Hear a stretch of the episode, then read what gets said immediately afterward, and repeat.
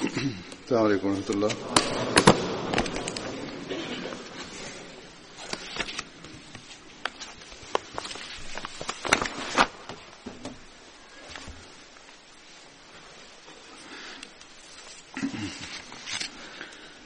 لا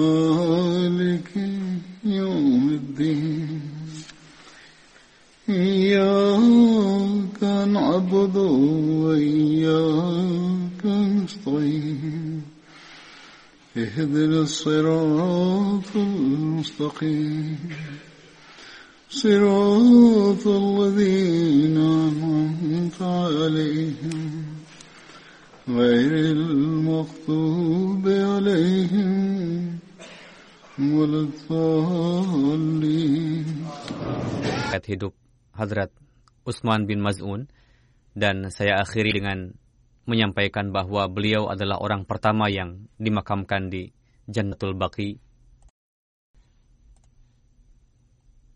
Keterangan lengkap berkenaan dengan awal mula Jannatul Baqi adalah sebagai berikut.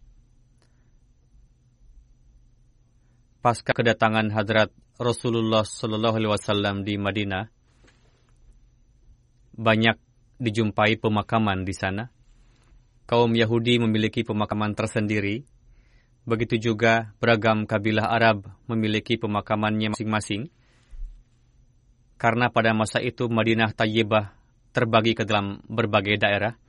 Untuk itu setiap kabilah menguburkan warganya pada kawasan terbuka di daerahnya. Daerah Kaba memiliki pemakaman tersendiri yang sangat masyhur. Di sana terdapat banyak pemakaman kecil. Kabilah Banu Zafar memiliki pemakaman tersendiri. Begitu juga dengan kabilah Banu Salma. Di antara pemakaman lainnya, pemakaman Banu Sa'adah yang di kemudian hari berdiri sukun Nabi di atas area tersebut. Lahan yang di atasnya dibangun Masjid Nabawi pada bagian yang dipenuhi pohon korma dulunya merupakan pemakaman orang-orang musyrik. Di antara pemakaman-pemakaman tersebut, Baqiul Gharqad adalah yang tertua dan masyhur. Ketika Rasul memilihnya sebagai pemakaman bagi umat muslim, sejak saat itu sampai sekarang memiliki nilai dan keistimewaan tersendiri dan untuk selamanya. Hadrat Ubaidullah bin Abi Rafi meriwayatkan bahwa Hadrat Rasulullah Shallallahu Alaihi Wasallam saat itu tengah mencari suatu lahan yang nantinya akan digunakan untuk pemakaman umat Muslim saja. Untuk tujuan tersebut, Rasulullah mencari dan meninjau langsung ke berbagai tempat, dan akhirnya kehormatan itu didapatkan oleh area Baqiul Gharqad.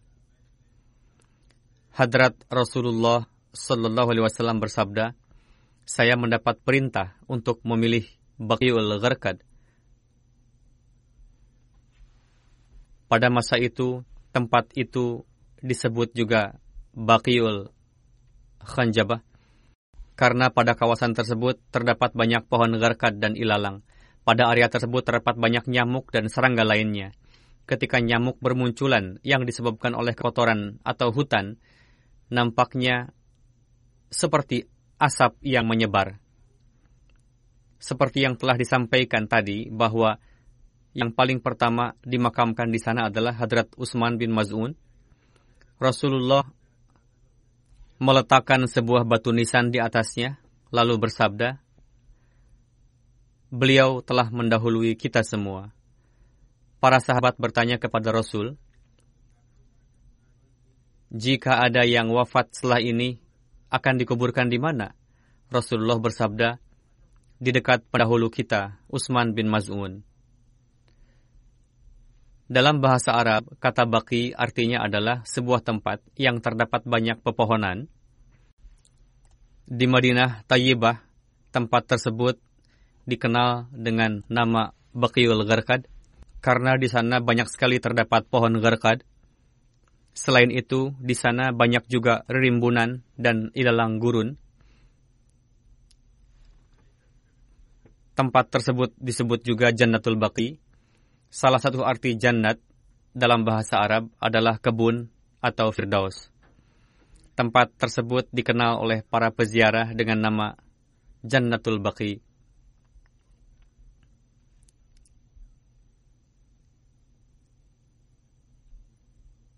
Abdul Hamid Qadiri Sahib yang menulis keterangan tersebut. Kemudian beliau menulis, hendaknya kita jangan lupa bahwa orang Arab biasa menyebut pemakamannya dengan sebutan jannat. Sebutan lainnya juga adalah Makabirul Baqi yang lebih dikenal di kalangan orang-orang Arab. Ini lebih dikenal di kalangan penduduk gurun dan desa yang jauh. Hadrat Salim bin Abdullah meriwayatkan dari ayahnya, yakni ketika ada yang wafat, Rasul bersabda, kuburkan jenazahnya pada urutan setelah pendahulunya. Utsman bin Maz'un adalah pendahulu yang sangat baik dalam umatku. Hadrat Ibnu Abbas meriwayatkan, ketika Hadrat Utsman wafat, Rasul menghampiri jenazahnya.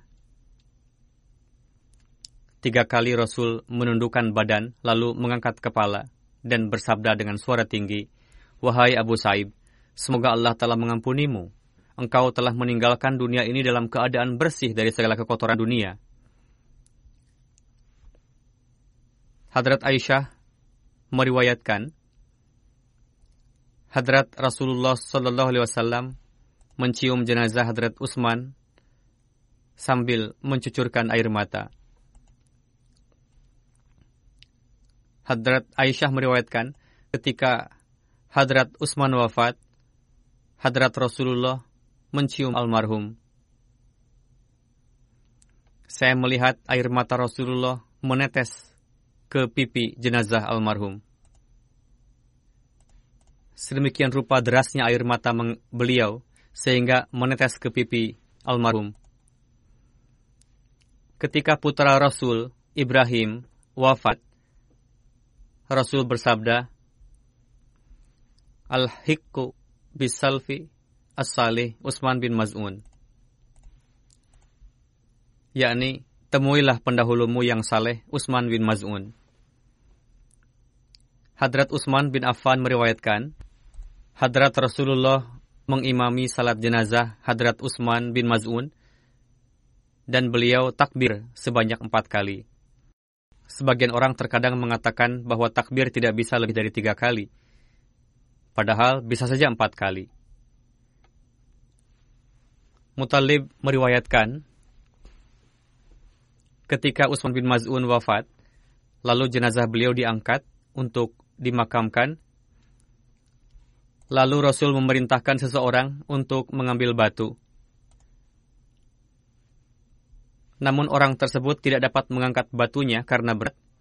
Kemudian Rasul menghampiri, lalu menyingsingkan kedua lengan baju, sehingga tampak putihnya lengan beliau. Dan sampai saat ini, saya masih ingat dengan baik kejadian itu.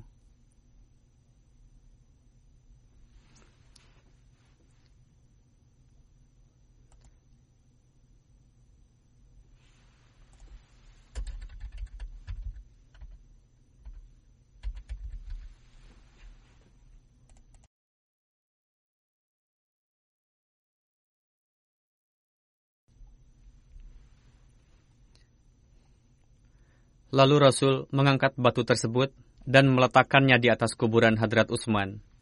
Lalu bersabda, "Saya akan mengenali kuburan ini melalui nisan ini, dan jika ada yang wafat dari keluargaku, aku akan kuburkan di dekatnya."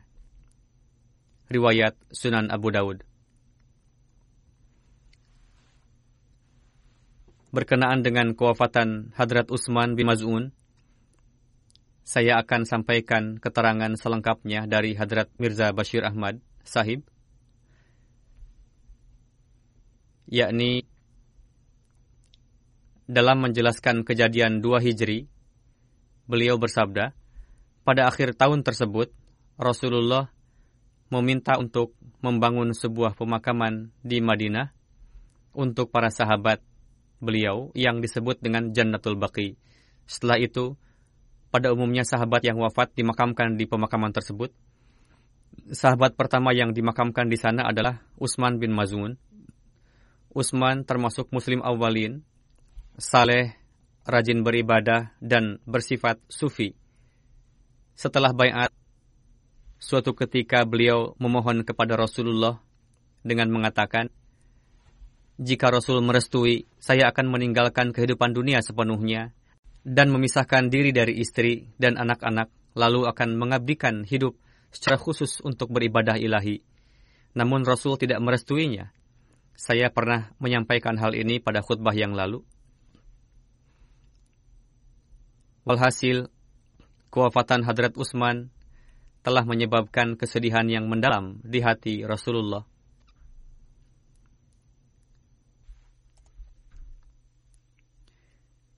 Diriwayatkan bahwa Rasulullah mencium kening jenazah Hadrat Utsman sambil mencucurkan air mata. Setelah dikuburkan, Rasul meletakkan batu nisan di atas kuburannya. Terkadang Rasul berziarah ke Janatul Baqi dan mendoakan beliau. Muhajir pertama yang wafat di Madinah pasca kewafatan Hadrat Utsman bin Maz'un, istri beliau menuliskan bait syair yang berbunyi,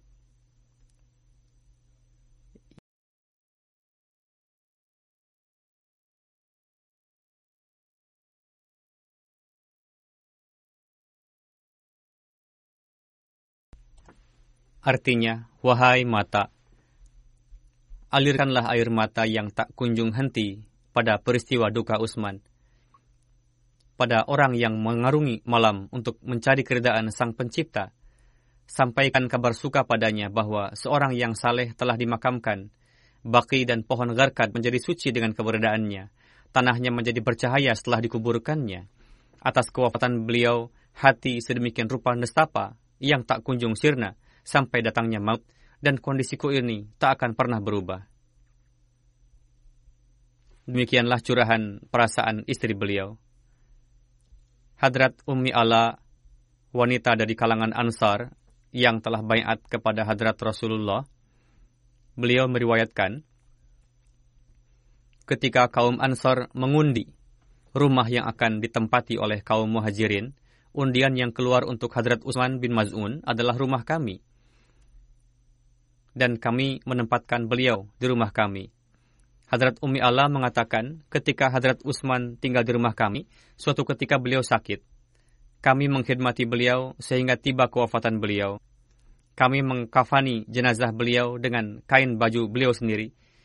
Rasulullah datang ke rumah kami. Hadrat Umi Allah mengatakan, Semoga rahmat tercurah padamu, wahai Abu Saib. Hadrat Umi Allah mengulangi kalimat tersebut di hadapan Rasulullah. Semoga rahmat Tuhan tercurah padamu, wahai Abu Saib. Aku bersaksi mengenaimu bahwa Allah Ta'ala pasti telah menganugerahkan kemuliaan padamu.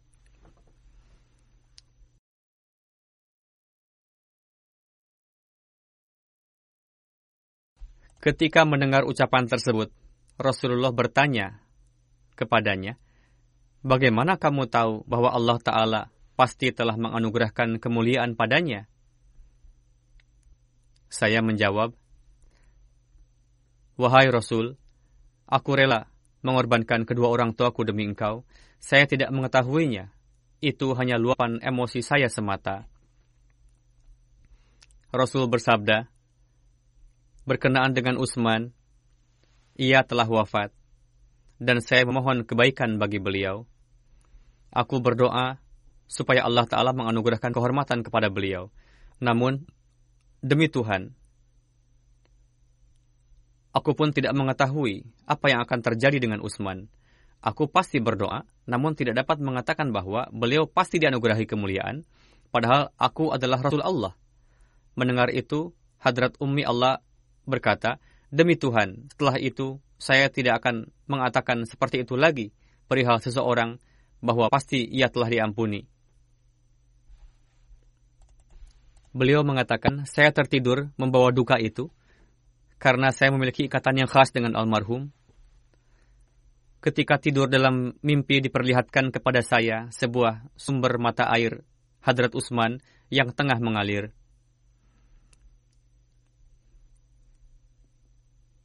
Setelah menyaksikan mimpi tersebut, saya datang ke hadapan Rasulullah untuk menceritakan mimpi tersebut. Rasul bersabda, sumber mata air yang mengalir itu adalah amalannya. Allah Ta'ala telah memperlihatkannya padamu bahwa ia tengah berada di surga. Dan itu adalah amalannya bagaikan sumber mata air yang mengalir di sana. Walhasil, ini adalah suatu cara tarbiat Rasulullah untuk jangan memberikan kesaksian dengan yakin seperti itu berkenaan dengan pengampunan Allah Ta'ala. Ketika amalan mulia Hadrat Utsman ditampakkan dalam bentuk sumber mata air mengalir di dalam mimpi kepada Hadrat Ummi Ala dan Rasulullah membenarkan hal itu. Rasulullah mengetahui bahwa Allah Ta'ala ridho kepada para sahabat badar dan doa Rasul dan penzahiran emosional Rasul kepada beliau menjelaskan bahwa Rasul yakin berkenaan dengan beliau bahwa Allah Ta'ala akan mendengar doa-doa tersebut dan akan meraih kurub ilahi. Namun demikian, beliau tetap mengatakan bahwa kita tidak dapat memberikan kesaksian seperti itu mengenai seseorang. Dalam Musnad Ahmad bin Hambal dijelaskan mengenai kejadian ini, yakni Kharajah bin Zaid meriwayatkan dari ibunya, beliau mengatakan bahwa ketika Hadrat Utsman bin Maz'un wafat, ibunda Hadrat Kharajah bin Zaid mengatakan, Abu Saib, kamu suci, hari-harimu yang baik sangatlah baik. Nabi Shallallahu Alaihi Wasallam mendengarnya dan bersabda, siapa ini? Beliau menjawab, saya. Rasul bersabda, apa yang anda katakan? Saya katakan, Wahai Rasulullah, amalan dan ibadah Utsman bin Maz'un memberitahukan kepada saya bahwa Allah Ta'ala pasti telah menganugerahkan magfirah kepada beliau. Rasulullah bersabda, kita tidak melihat dalam diri Utsman bin Maz'un selain kebaikan, namun seiring dengan itu bersabda, Ingatlah, aku adalah Rasul Allah. Namun demi Tuhan, aku pun tidak tahu apa yang akan terjadi padaku nanti.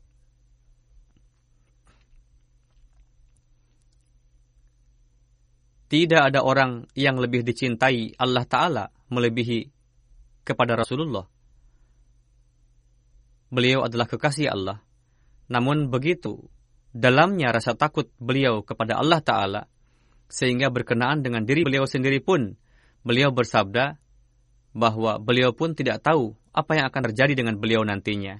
Walhasil, betapa menakutkannya bagi kita sekalian, dan sudah siogianya kita berpikir untuk berbuat amal saleh dan menaruh perhatian untuk beribadah kepada Allah Ta'ala. Dan meskipun demikian, alih-alih membanggakan diri, justru harus semakin memperlihatkan kerendahan hati dan senantiasalah memohon rahmat dan karunia Allah Ta'ala, supaya Allah menganugerahkan rahmat dan fadalnya.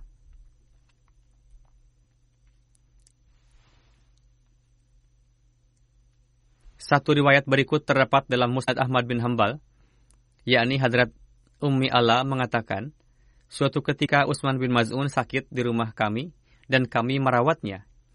Pada saat beliau wafat, kami mengafaninya dengan kain pakaian beliau sendiri. Kemudian Rasulullah berkunjung ke rumah kami. Saya katakan, wahai Abu Saib, Semoga rahmat Tuhan tercurah kepadamu. Aku memberi kesaksian atasmu bahwa Allah Ta'ala telah memuliakanmu. Mendengar itu, Rasul bersabda, Bagaimana Anda tahu bahwa Allah Ta'ala telah memuliakannya?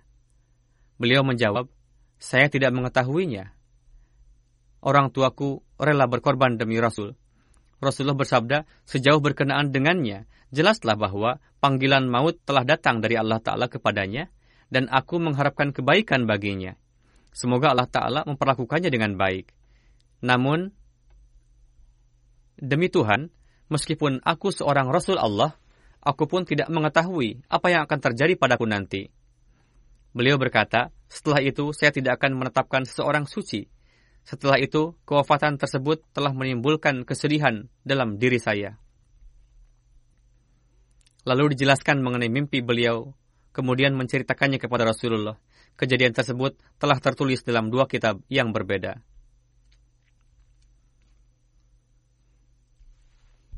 Memang Allah Ta'ala telah meninggikan derajat beliau berkat doa-doa Rasulullah juga, dan semoga Allah Ta'ala senantiasa meninggikannya.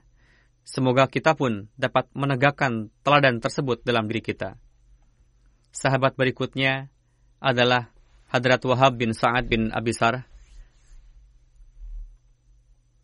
Ayah beliau bernama Sa'ad, berasal dari kabilah Banu Amir bin Lowi. Beliau adalah saudara Abdullah bin Sa'ad bin Abisar.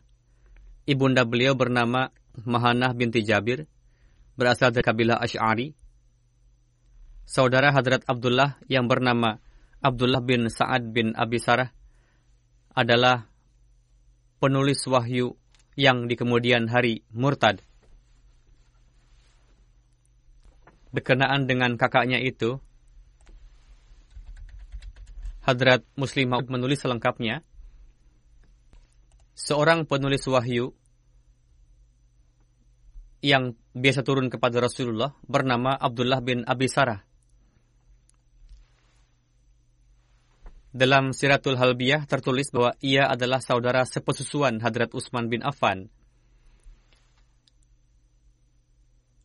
Ketika wahyu turun kepada Rasulullah, Rasul memanggilnya lalu memerintahkannya untuk menulis wahyu tersebut. Suatu hari Rasulullah tengah menuliskan surah Al-Mu'minun ayat 14 dan 15.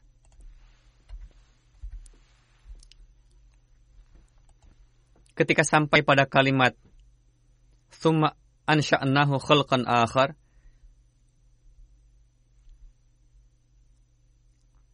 Secara spontan keluar kalimat dari mulut penulis wahyu itu yang berbunyi Fatabarakallahu ahsanal khaliqin. Rasulullah bersabda,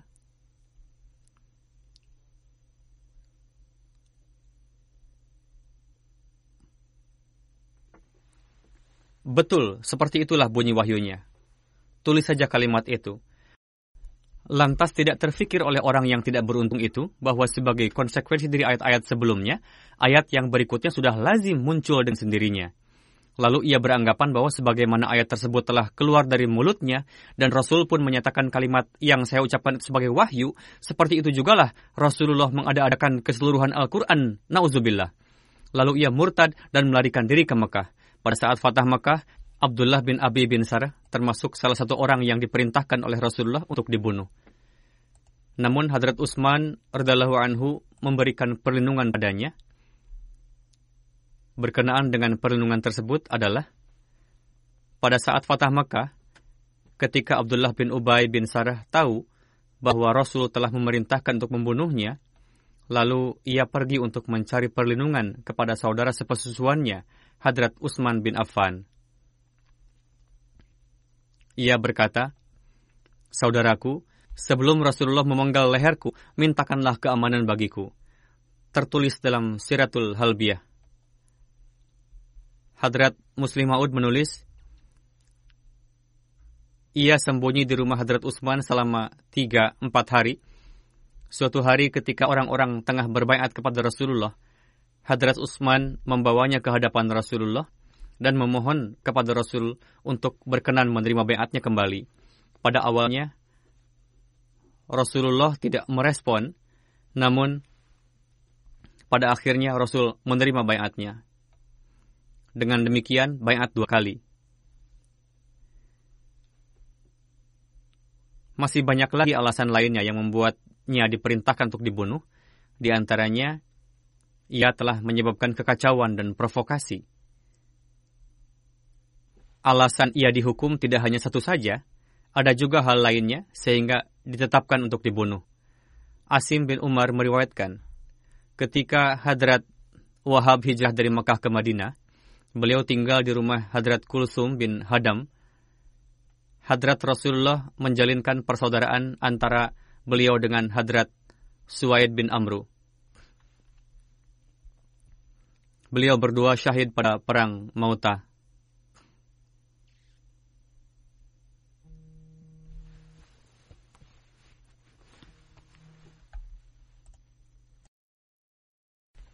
Hadrat Wahab ikut serta pada perang Badar, Uhud, Khandak, Hudaybiyah, dan Khaybar – Beliau syahid pada bulan Jumadil Ula, tahun ke-8 Hijri pada Perang Mauta. Pada saat disyahidkan, beliau berusia 40 tahun. Berkenaan dengan Perang Mauta dan latar belakangnya, terdapat keterangan dalam kitab Tabaqatul Kubro. Perang tersebut terjadi pada bulan Jumadil Ula, tahun 8 Hijri. Hadrat Rasulullah mengutus Hadrat Haris bin Umair sebagai kasid atau kurir kepada Raja Basrah Ketika hari sampai di daerah Mauta, salah seorang yang ditugaskan oleh Kaisar untuk menjadi pemimpin di Syam bernama Syarjil bin Amru Ghassani menghentikannya lalu mensyahidkannya menurut Siratul Halbiyah. Selain Hadrat Haris bin Umair, tidak ada kurir Rasulullah yang dibunuh Ketika Rasul mendapatkan kabar perihal kejadian tersebut, Rasul sangat menyesalkannya. Lalu Rasul mengumpulkan 3.000 pasukan untuk berperang. Rasul menetapkan Hadrat Zaid bin Harithah sebagai komandan. Setelah menyiapkan bendera putih, Rasul menyerahkannya kepada Zaid dan bersabda, Pergilah ke tempat di mana Hadrat Haris disyahidkan, lalu serulah kepada Islam. Jika mereka menerimanya, itu baik. Jika tidak, mintalah pertolongan kepada Allah Ta'ala dalam menghadapi mereka, lalu perangilah mereka. Hadrat Wahab juga ikut serta dalam perang tersebut. Hadrat Abdullah bin Umar meriwayatkan, Saya akan jelaskan selengkapnya perihal perang tersebut. Hadrat Rasulullah menetapkan Hadrat Zaid bin Harisah sebagai komandan pada perang Mautah Rasul bersabda, jika Zaid syahid, maka yang akan menggantikannya adalah Jafar. Jika Jafar pun syahid, akan digantikan oleh Abdullah bin Rawaha. Laskar tersebut disebut juga dengan nama Jaish Umar. Berkenaan dengan seorang Yahudi, Hadrat Muslim Maud radhiyallahu anhu menulis, Tidak jauh dari tempat itu ada seorang Yahudi yang tengah duduk. Ketika mendengar perkataan Rasul, Yahudi itu mendatangi Hadrat Zaid dan mengatakan bahwa jika seandainya Muhammad Shallallahu Alaihi Wasallam adalah benar, maka di antara kalian bertiga tidak akan ada dari antara kalian bertiga yang akan kembali dengan selamat.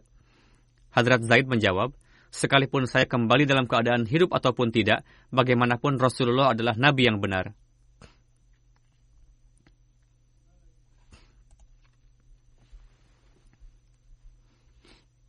Hadrat Rasulullah mendapatkan kabar dari Allah Ta'ala perihal kondisi peperangan dan para syuhada.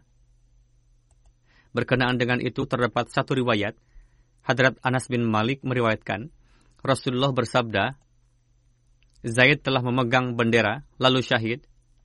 Lalu Ja'far memegang bendera itu dan syahid juga.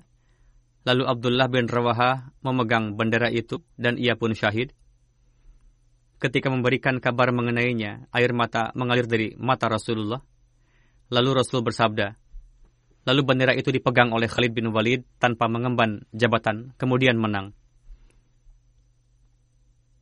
Semoga Allah Ta'ala senantiasa meninggikan setinggi-tingginya derajat para sahabat tersebut. Setelah ini saya akan menyampaikan beberapa Ahmadi yang wafat dan nanti saya akan pimpin salat jenazah untuk mereka. Jenazah pertama adalah Mukarram Malik Muhammad Akram Sahib. Beliau adalah seorang mubalik dan pada tanggal 25 April kemarin beliau wafat di Manchester. Innalillahi wa inna ilaihi rajiun. Jenazah beliau hadir saat ini dan setelah salat Jumat nanti saya akan memimpin salat jenazah beliau di luar insyaallah. Beliau lahir pada tanggal 2 Februari tahun 47 di Mulkawal, distrik Gujarat. Beliau bayat sendiri pada tahun 61 kakak kandung beliau adalah Ahmadi pertama di sana, yaitu Master Azam Sahib. Beliau juga bayat dan melalui beliaulah almarhum bayat. Almarhum menulis sebuah artikel. Saya ingat dalamnya tertulis bahwa beliau datang ke Rabuah untuk menuntut ilmu, kemudian setelahnya bayat dan terkesan dengan lingkungan Rabuah. Pada tahun 62, beliau mewakafkan diri setelah bayat. Setelah mendapat gelar BA, Beliau mendapat gelar syahid dan HA. Beliau ditetapkan sebagai mubalik pada tahun 71. Hadrat Khalifatul Masih ketiga menikahkan beliau dengan Amatul Karim Sahibah, putri dari Maulwi Abdul Basharat Abdul Ghafur Sahib. Beliau mendapatkan taufik untuk berkhidmat di beberapa daerah di Pakistan dan luar negeri juga. Di UK, beliau mendapatkan taufik untuk berkhidmat hingga 30 tahun di Jemaat Oxford, Manchester, Glasgow, dan Cardiff. Total masa pengkhidmatan beliau menjadi 48 tahun. Di UK juga beliau menjadi naib officer Jalsahgah selama beberapa tahun. Dari 71 hingga 73 beliau tinggal di beberapa tempat di Pakistan. Dari tahun 73 hingga 77 beliau tinggal di Gambia, lalu tinggal di Karachi, Pakistan dari 77 hingga 79. Kemudian 79 hingga 80 beliau tinggal di markaz Wakilut Tabjir Rabwah. Dari 80 hingga 83 beliau menjabat sebagai prinsipal di Nigeria Missionary College Hilaru. Lalu beliau kembali ke Rabwah dan tinggal di Rabwah hingga 89. Dari 89 hingga 2018 beliau kembali mendapat taufik untuk berkhidmat di UK. Pertama beliau pensiun pada tahun 2007 karena usia. Pada bulan Februari 2000 2007 beliau mengajukan kembali untuk berkhidmat dan mendapat taufik untuk berkhidmat hingga 2018. Karena sakit beberapa hari yang lalu, meskipun beliau tetap sebagai wakaf zindagi, namun beliau menghentikan dulu pengkhidmatannya. Beliau tidak mampu menunaikan pengkhidmatan aktif lalu pensiun. Namun tidak juga bisa dikatakan bahwa beliau tidak berkhidmat selama beberapa bulan, Adapun beliau telah melewati beberapa bulan tanpa pengkhidmatan rutin hingga pada akhirnya wafat dalam pengkhidmatan. Amir Sahib UK menulis bahwa almarhum adalah seorang pekerja keras dan taat. Beliau orang yang tabah. Apa pun pengkhidmatan jemaat yang diamanahkan kepada beliau, beliau tunaikan dengan kerja keras dan jujur. Dan beliau selalu dawam mengirimkan laporan. Beliau senantiasa mengirim laporan dengan segera pada saat ditugaskan di Manchester dilakukan pembangunan Masjid Darul Aman, Malik Sahib sangat berperan aktif dalam mengumpulkan dana masjid. Ataul Mujib Rashid Sahib mengatakan bahwa Akram Sahib memiliki akhlak yang mulia dan memiliki banyak kelebihan. Beliau adalah Ahmadi yang sangat saleh, jujur, mukhlis, dan rela berkorban. Beliau adalah mubalik yang semangat bekerja dengan penuh tanggung jawab. Beliau adalah khadim jemaat yang mempunyai makom yang sangat tinggi dalam ketaatan kepada khilafat. Majid Syal Qutih Sahib menulis bahwa beliau mempunyai kelebihan yang banyak, terutama beliau adalah khadim yang setia pada khilafat. Beliau sangat gemar tablig.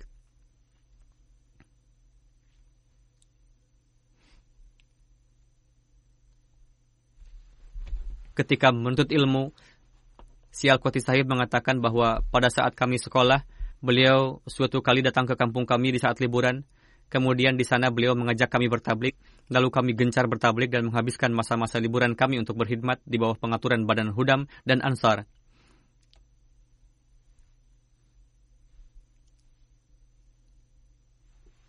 Beliau senantiasa mengarungi hidup dengan penuh ketaatan. Aslam Khalid Sahib yang berkhidmat di London sebagai sekretaris pribadi mengatakan, saya memiliki kaitan kekerabatan dengan almarhum karena pernikahan.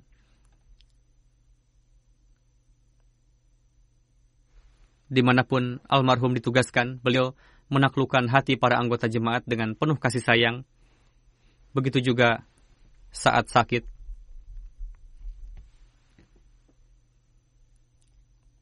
Di mana pun beliau berkhidmat, khususnya di Manchester, beliau senantiasa mengenang para anggota dengan penuh cinta. Beliau punya ikatan kasih sayang terhadap anak-anak jemaat dan para pemuda. Beliau menjadi teladan. Khalid Sahib menulis, saat ini anak-anak itu sudah dewasa dan telah menikah. Salah seorang dari mereka menyampaikan kepada saya melalui telepon setelah ia menikah dan anak mereka lahir pada pukul 2.30 malam, mengatakan, Pak Mubalik, di rumah saya telah lahir seorang anak laki-laki. Pada awalnya Akram Sahib mengatakan dalam hati bahwa info seperti ini kenapa pula disampaikan pada waktu yang tidak tepat di malam hari seperti ini. Padahal bisa juga disampaikan pagi nanti. Namun, itu merupakan bentuk kecintaan anak tersebut kepada Mubalik yang telah memberikan tarbiat padanya. Almarhum mengatakan bahwa anak itu lalu membungkam mulut saya dengan mengucapkan kalimat berikutnya, Pak Mubalik, sejak awal saya telah bertekad bahwa jika Allah Ta'ala menganugerahi saya anak laki-laki, orang pertama yang akan saya kabari nanti adalah Tuhan. Sekarang saya akan memberitahu ayah saya. Demikianlah bentuk kasih sayang orang-orang dan para anggota kepada beliau. Semoga Allah Ta'ala senantiasa meninggikan derajat beliau, mengampuni beliau, menganugerahkan ketabahan kepada orang-orang yang ditinggalkan.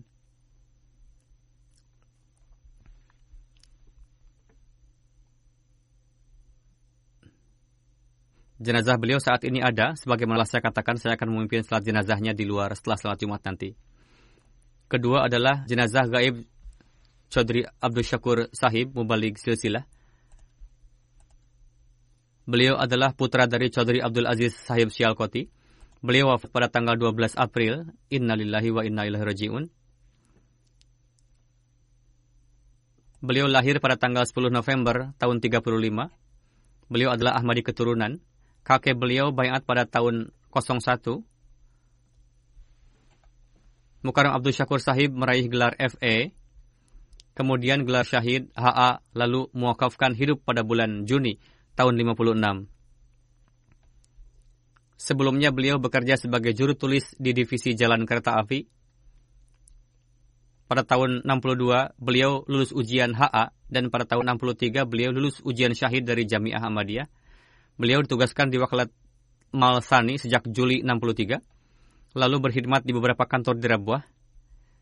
Pada tahun 64, beliau diutus ke Sierra Leone untuk menyampaikan tabligh Islam. Beliau mendapat taufik untuk berkhidmat di sana hingga November 68.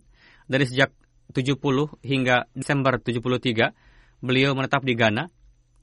Dari 75 hingga 78, beliau tinggal di Gambia. Dari Februari hingga April 86, hingga beliau mendapat taufik untuk berkhidmat di Liberia. Di negara-negara tersebut, beliau mendapat taufik untuk berkhidmat sebagai amir dan missionary in charge. Pada tahun 90, beliau ditetapkan sebagai naib wakil tafsir. Beliau terus berkhidmat sebagai naib wakil Salis, sekretaris komite akomodasi, naib wakil malsani, dan setelah pensiun tahun 95, beliau mendapat taufik untuk berkhidmat setelah dikaryakan kembali hingga 2004. Karena derita sakit, ada benjolan hitam di mata, beliau pensiun di tahun 2004. putra beliau, Dr. Abdul Shabur Sahib yang tinggal di Amerika mengatakan bahwa ayah saya sangat sederhana dan gigih.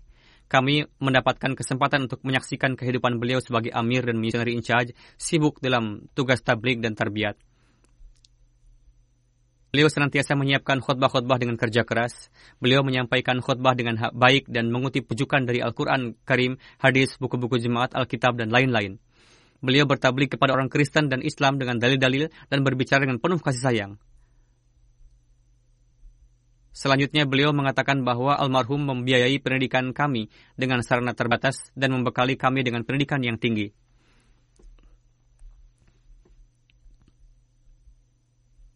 Mahmud Tahir Sahib, Kaid Umumi Ansarullah Pakistan, mengatakan bahwa Almarhum merupakan sosok pengkhidmat yang tidak banyak bicara, pekerja keras, memiliki gagasan yang sangat baik. Naib Wakil Tabshir, Syekh Khalid mengatakan bahwa almarhum sangat rendah hati, sosok yang sangat sopan, lembut. Beliau sangat setia dan rela berkorban demi khilafat dan jemaat. Haidar Ali Zafar Sahib, Naib Amir Jerman sekarang, mengatakan bahwa Abdul Syakur Sahib adalah pemilik banyak kelebihan, sangat mukhlis, sederhana, rendah hati, rajin, membelanjakan harta jemaat dengan sangat hati-hati.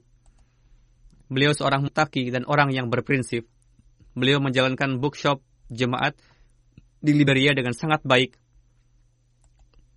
Dan penghasilan yang diterima beliau gunakan untuk renovasi masjid dan rumah mubalik. Di tempat yang sederhana, beliau membangun sebuah kompleks yang di dalamnya terdapat perpustakaan ruang tamu. Di dalam masjid terdapat bagian terpisah bagi laki-laki dan perempuan. Terdapat rumah mubalik juga dan saat pembangunan masjid, beliau bekerja dengan tangan sendiri bersama para tukang. Beliau membangun masjid kompleks dengan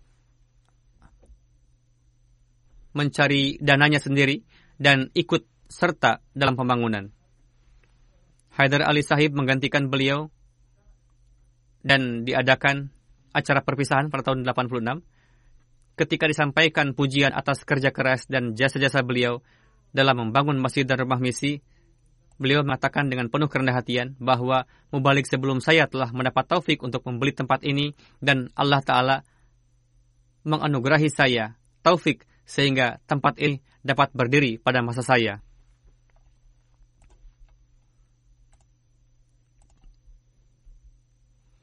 Kini Anda dapat melakukan aktivitas tablik di sana dan sebenarnya ini semua karunia Allah Ta'ala. Almarhum adalah musi. Selain istri, beliau meninggalkan dua orang putri dan tiga orang putra. Semoga Allah Ta'ala meninggikan derajat beliau. Amin.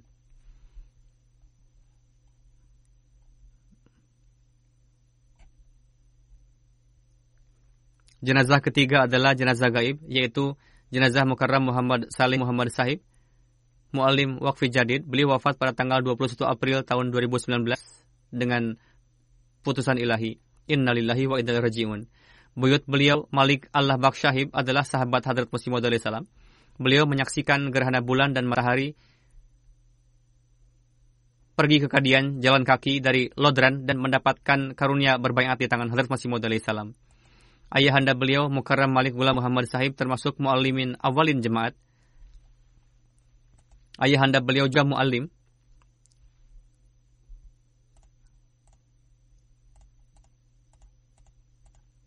Beliau lahir pada tahun 59. Pada tahun 76 beliau berusaha untuk masuk Jamiah Ahmadiyah.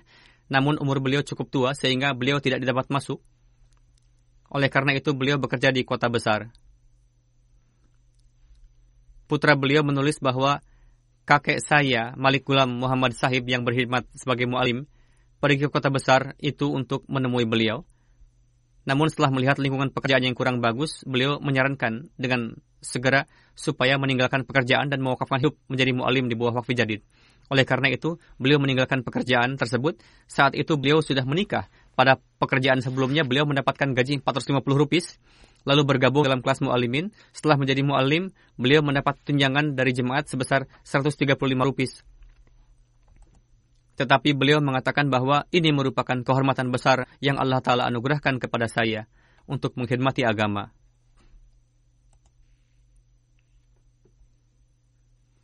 Beliau mulai mewakafkan kira-kira setengah, seperempat atau sepertiga dari penghasilannya. Sebelumnya beliau mencari nafkah dunia semata. Beliau ditugaskan di Nagar Parker pada tahun 89 saat itu kondisinya sulit sekali. Putra beliau juga adalah mubalik, menulis. Ibu saya menceritakan bahwa setelah beliau dimutasi ke pusat kampung Nagar Parkar, di sana sudah sejak lama rumah mu'alim tidak digunakan. Kondisinya sudah roboh. Lalu ayah saya mengambil air dan tanah dari tempat yang jauh pada siang hari untuk beliau kumpulkan. Dan pada malam hari, suami istri keduanya membuat batu bata mentah dan ketika sudah jadi batu bata, keduanya membangun tempat tinggal sendiri. Seperti itulah kondisi para mu'alimin awalin yang rela berkorban di Sin. Mereka menimba air sendiri dan membawa air dari jauh. Mereka mengumpulkan tanah, kemudian membuat batu bata dan membangun ruangan untuk menetap, tidak pernah menuntut kepada jemaat.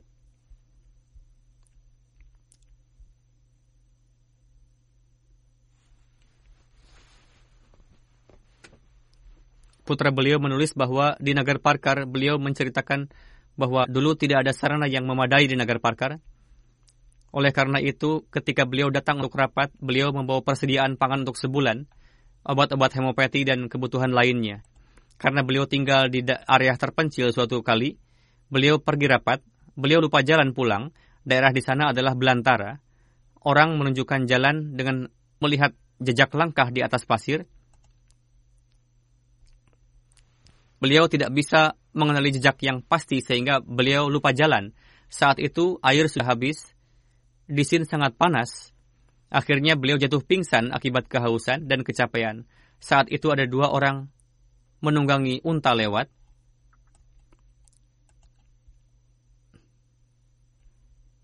Di sana mereka melihat bahwa ada orang terjatuh di atas pasir. Ketika mereka mendekati beliau, mereka tahu bahwa beliau adalah dokter sahib karena beliau selalu memberikan obat-obatan hemopati. Oleh karena itu beliau tersohor dengan nama dokter sahib. Dan kedua orang ini adalah pasien beliau. Mereka mengenali beliau. Mereka memberi beliau air, kemudian membawa beliau ke rumah mereka. Di sana beliau bermalam. Hari berikutnya beliau diantarkan ke senter. Putra beliau menulis bahwa almarhum terus menekankan kepada anak keturunan beliau untuk salat. Beliau adalah sosok yang dawam tahajud ketika wafat pun pada hari itu beliau melaksanakan tahajud dan membangunkan ibu juga. Beliau adalah pribadi yang berakhlak baik dan penyayang. Siapa pun yang berlaku aniaya kepada beliau, beliau senantiasa sabar dan tidak pernah meresponnya. Beliau adalah orang yang sangat baik dalam menjalin hubungan dengan orang-orang dan cukup terkenal. Orang-orang biasa menitipkan amanat kepada beliau karena kejujurannya Kapan pun ada perselisihan dalam keluarga, beliau selalu berusaha untuk mendamaikannya.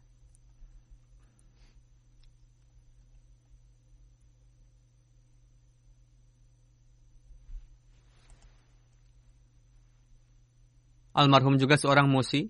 Selain istri, beliau juga meninggalkan tiga orang putra dan tiga orang putri. Seorang putra beliau, Mubarak Ahmad Munir Sahib, mendapat taufik untuk berkhidmat sebagai murabi jemaat di Burkina Faso dan beliau tidak dapat pergi ke Pakistan atas kewafatan ayahanda beliau. Semoga Allah telah senantiasa meninggikan derajat beliau, memperlakukan beliau dengan rahmat dan magfirah, dan menganugerahkan taufik kepada anak keturunan beliau untuk berkhidmat kepada agama dengan semangat dan pengorbanan tersebut.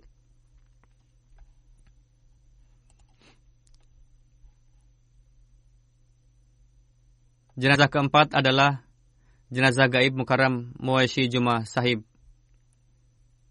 Tanzania. Beliau wafat pada tanggal 13 Maret. Innalillahi wa inna raji'un. Beliau lahir antara tahun 33-34 di daerah Morogoro, Tanzania. Pada tahun 67 beliau bergabung ke dalam Jemaat Ahmadiyah. Peristiwa bayatnya beliau adalah sebagai berikut, yakni di sebagian kalangan ulama sunni, di sana terdapat tradisi akikah atas anak yang lekas wafat, bukannya anak yang hidup. Setelah wafat dilakukan akikah dan khataman. Sehingga menjadi ajang untuk berkali-kali mendapatkan makanan. Almarhum tidak pernah melihat tradisi seperti ini dalam ajaran Islam.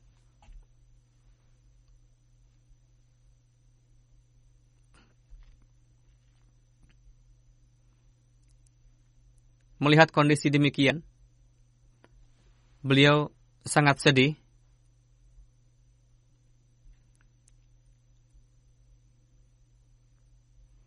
Beliau senantiasa berdoa kepada Allah Ta'ala. Ya Allah, turunkanlah Hadrat Isa supaya dia datang dan menghidupkan kembali Islam. Misari Inchal Sahib menulis, berdasarkan keterangan beliau sendiri, beliau bertemu dengan mubalik jemaat di sana saat itu adalah Jamilur Rahman Rafiq Sahib yang saat ini sebagai wakil isyaat di Pakistan. Ketika beliau bertemu, beliau menyampaikan kepada almarhum bahwa ada sebuah hadis Rasulullah yang berbunyi, Barang siapa yang tidak mengenal imam zamannya, maka orang itu mati jahiliyah. Atas hal itu, beliau menganggap bahwa beliau belum mengenal imam zaman. Dengan demikian, bukan muslim yang hakiki. Beliau berpikir dan tanpa menyia-nyiakan waktu langsung bayat. Setelah bayat, beliau pulang kampung dan menabligi saudara, keluarga, kawan-kawan dan mengumpulkan semuanya untuk menyampaikan tablik Hadrat Masih Maud salam. Selama tahun tersebut, saudara beliau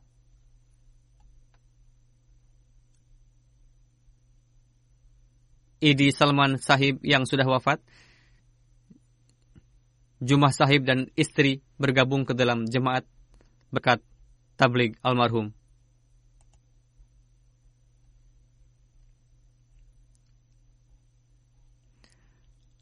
Almarhum terpaksa harus menghadapi penentangan keras, tapi perlahan-lahan orang-orang mulai bergabung dalam jemaat dan perkampungannya berkaitan dengan kampung beliau sehingga jemaat telah berdiri di sana. Incharge Sahib menulis bahwa Mayuni adalah jemaat teladan di daerah Morogoro dan itu adalah jemaat yang berdiri berkat andil usaha gigih beliau. Setelah bergabung dalam jemaat hingga wafat, yang nampak dari setiap amal beliau adalah beliau sangat setia terhadap khilafat dan beliau sangat menghormati dan memuliakan para mubalik dan pengurus jemaat. Beliau senantiasa mematuhi nizam jemaat Beliau sangat gemar dan bersemangat untuk bertablik dan senantiasa bertablik. Beliau tidak melepaskan kesempatan dari tangan untuk bertablik. Beliau selalu terdepan dalam pembayaran canda, bahkan setiap saat berpikir bahwa berapapun penghasilannya harus dikeluarkan candahnya. Dan senantiasa mengatakan, dunia yang sementara ini tidak ada hakikatnya. Beliau adalah musi dan senantiasa mendorong orang-orang untuk ikut serta dalam nizam berkat ini. Beliau adalah teladan dalam menegakkan salat. Beliau sendiri dawam salat lima waktu. Beliau juga menasihati anak-anak cucu untuk dawam.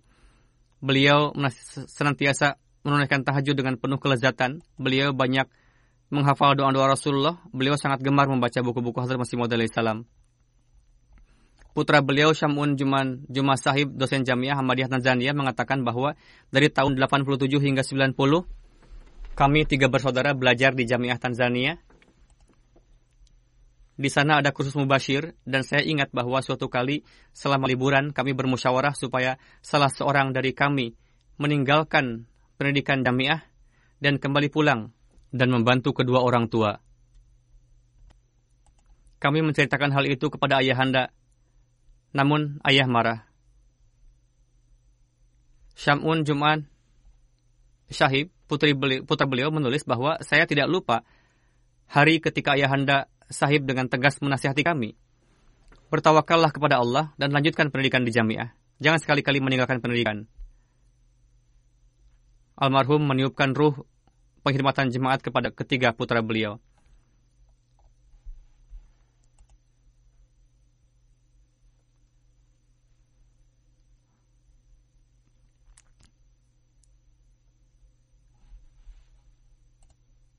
Semoga Allah Ta'ala mencurahkan rahmat dan magfirahnya kepada beliau-beliau, meninggikan riatnya, dan menjadikan keturunan mereka sebagai khadim agama yang sejati.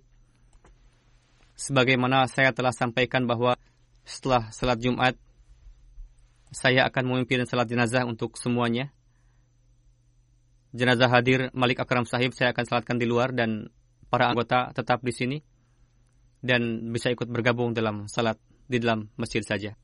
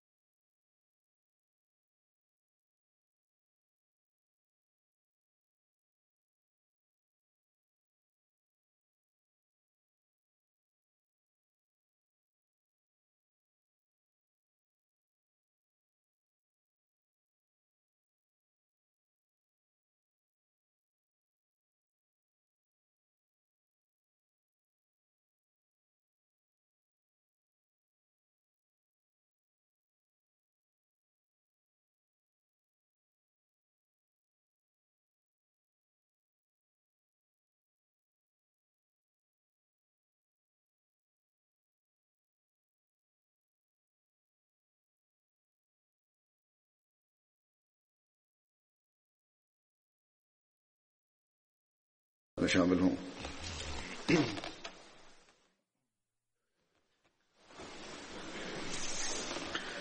الحمد لله الحمد لله نحمده ونستعينه ونستغفره ونؤمن به ونتوكل عليه ونعوذ بالله من شرور أنفسنا ومن سيئات أعمالنا من يهده الله فلا مضل له ومن يضلل فلا هادي له ونشهد أن لا إله إلا الله ونشهد أن محمدا عبده ورسوله عباد الله رحمكم الله. إن الله يأمر بالعدل واللسان وإيتاء ذي القربى وينهى عن الفحشاء والمنكر والبغي يعظكم لعلكم تذكرون. اذكروا الله يذكركم وادعوه يستجب لكم ولذكر الله أكبر.